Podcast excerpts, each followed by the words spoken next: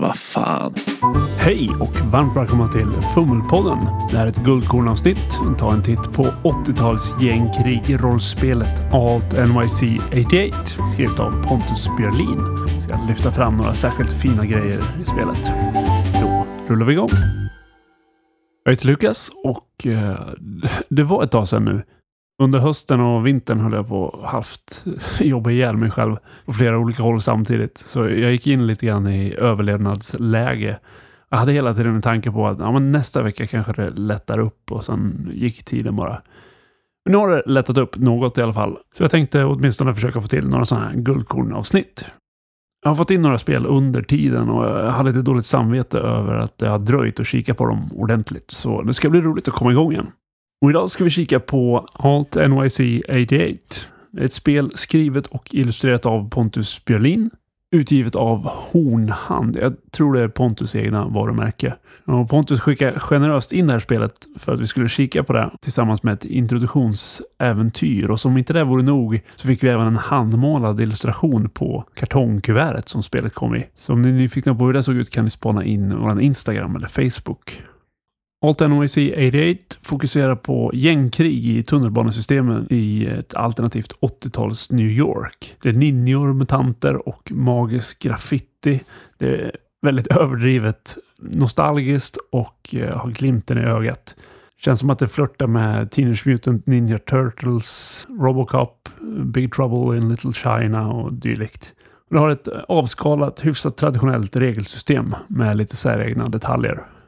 Spelet kommer som ett pappershäfte med lite tjockare omslag. Någonstans mitt emellan A5 och A4 i storlek. 18 sidor långt. Med färginlaga, luftig layout med retrografisk form. Fullt av färgstarka och karaktäristiska tuschillustrationer. Det innehåller en kort genomgång av vad spelet handlar om och av settingen.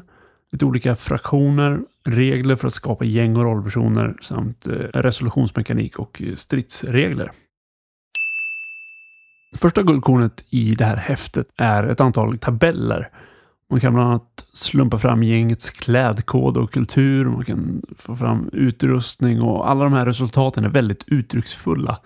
Så exempelvis kan man ha ett gäng klätt i tajta jeans, pannband och färgstarka halsdukar. Eller i plast, skidstövlar och frigolitrustningar. Man kan få föremål som en BMX-cykel, Walkman eller en läskig halvmagisk hockeymask. Just det här med tabeller är ju en stor grej inom old school renaissance-stilen av rollspel. Just när de är så specifika och karaktärsfulla så varje möjligt resultat säger någonting tydligt om settingen. Håller settingen väldigt öppen men ger samtidigt precis vad man behöver för att fatta grejen och för att bli inspirerad.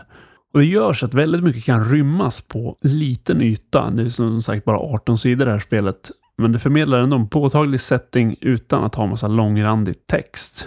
Och dessutom blir det väldigt roligt när man slumpar fram något oväntat och udda resultat. Så tabeller är liksom ett väldigt effektivt verktyg för att förmedla setting och det här spelet gör det väldigt bra.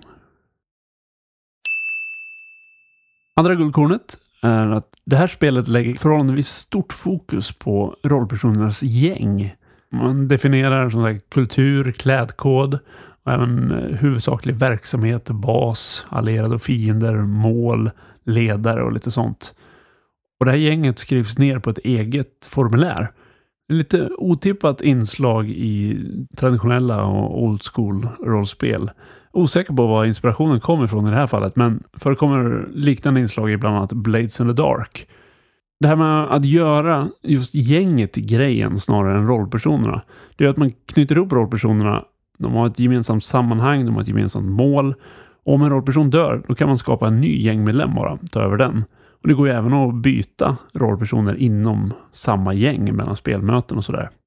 Och gängets gemensamma framgång blir ju målet i spelet. Och det blir som att gänget är en egen karaktär. Och det här ger ju en lite annan spelupplevelse än om man spelar en grupp eh, lösdrivande äventyrare. Man får en tydlig agenda och man knyter det egna gänget till andra gäng. Och det ger spelet ett tydligt fokus vad det är man gör i det. Och det gör att spelet verkligen handlar om det det säger att det handlar om, nämligen gängkrig. Känns som ett intressant inslag i den här typen av spel och jag uppskattar alltid när man lägger in grejer som förstärker spelets teman. Det tredje guldkorn är spelets grafiska uttryck. Det är nämligen extremt distinkt. Det är grälla färger, handmålade tuschillustrationer, det är stenhård 80-tals estetik, graffiti och stora axelplåtar, ninjor. Och det här häftet är tryckt med så kallad risoprint eh, som ger ett nästan fluorescent resultat. Riktigt, riktigt färgstarkt. Det brukar pratas om form framför funktion. Men för att sno ett uttryck som brukar användas av Johan Nor som har gjort Mörkborg bland annat. Form är funktion. Det här förmedlar spelets setting och känsla långt effektivare än beskrivande text kan göra. Man kan slänga ett ögonkast på det här spelet och man vet omedelbart vad det handlar om. Och Alt NYC 88 är en väldigt snygg produkt med en unik stil. Det sticker ut bland övriga spel och det väcker nyfikenhet. Om jag fick välja mellan den här typen av grafiskt uttryck och ännu ett spel med slitna pappersbakgrunder och ultraproffsiga men lite själlösa standardillustrationer, då väljer jag det här alla dagar i veckan. Som sagt, det är inte bara ytligt, för det förmedlar massa information genom sin form. Förstärker verkligen spelet som helhet. Det använder alla möjliga verktyg för att göra tydligt vad spelet handlar om. Så avslutningsvis, det här är en riktigt spännande artefakt. Det blandar element från olika typer av rollspel. Enormt mycket hjärta och själ. Och det ser originellt ut. Och det känns också som ett ganska originellt spel. Riktigt, riktigt roligt att se. Jag blir genuint glad av att bläddra i det. Kan köpas på Etsy under 200 spänn inklusive frakt. Där kan man även köpa ett startäventyr som heter Free Willy. Man kan även spana in Pontus grejer på Instagram använder namnet Fantastisk Fiktion, ett ord. Jag lägger in länkar till hans Etsy och Instagram i avsnittsbeskrivningen.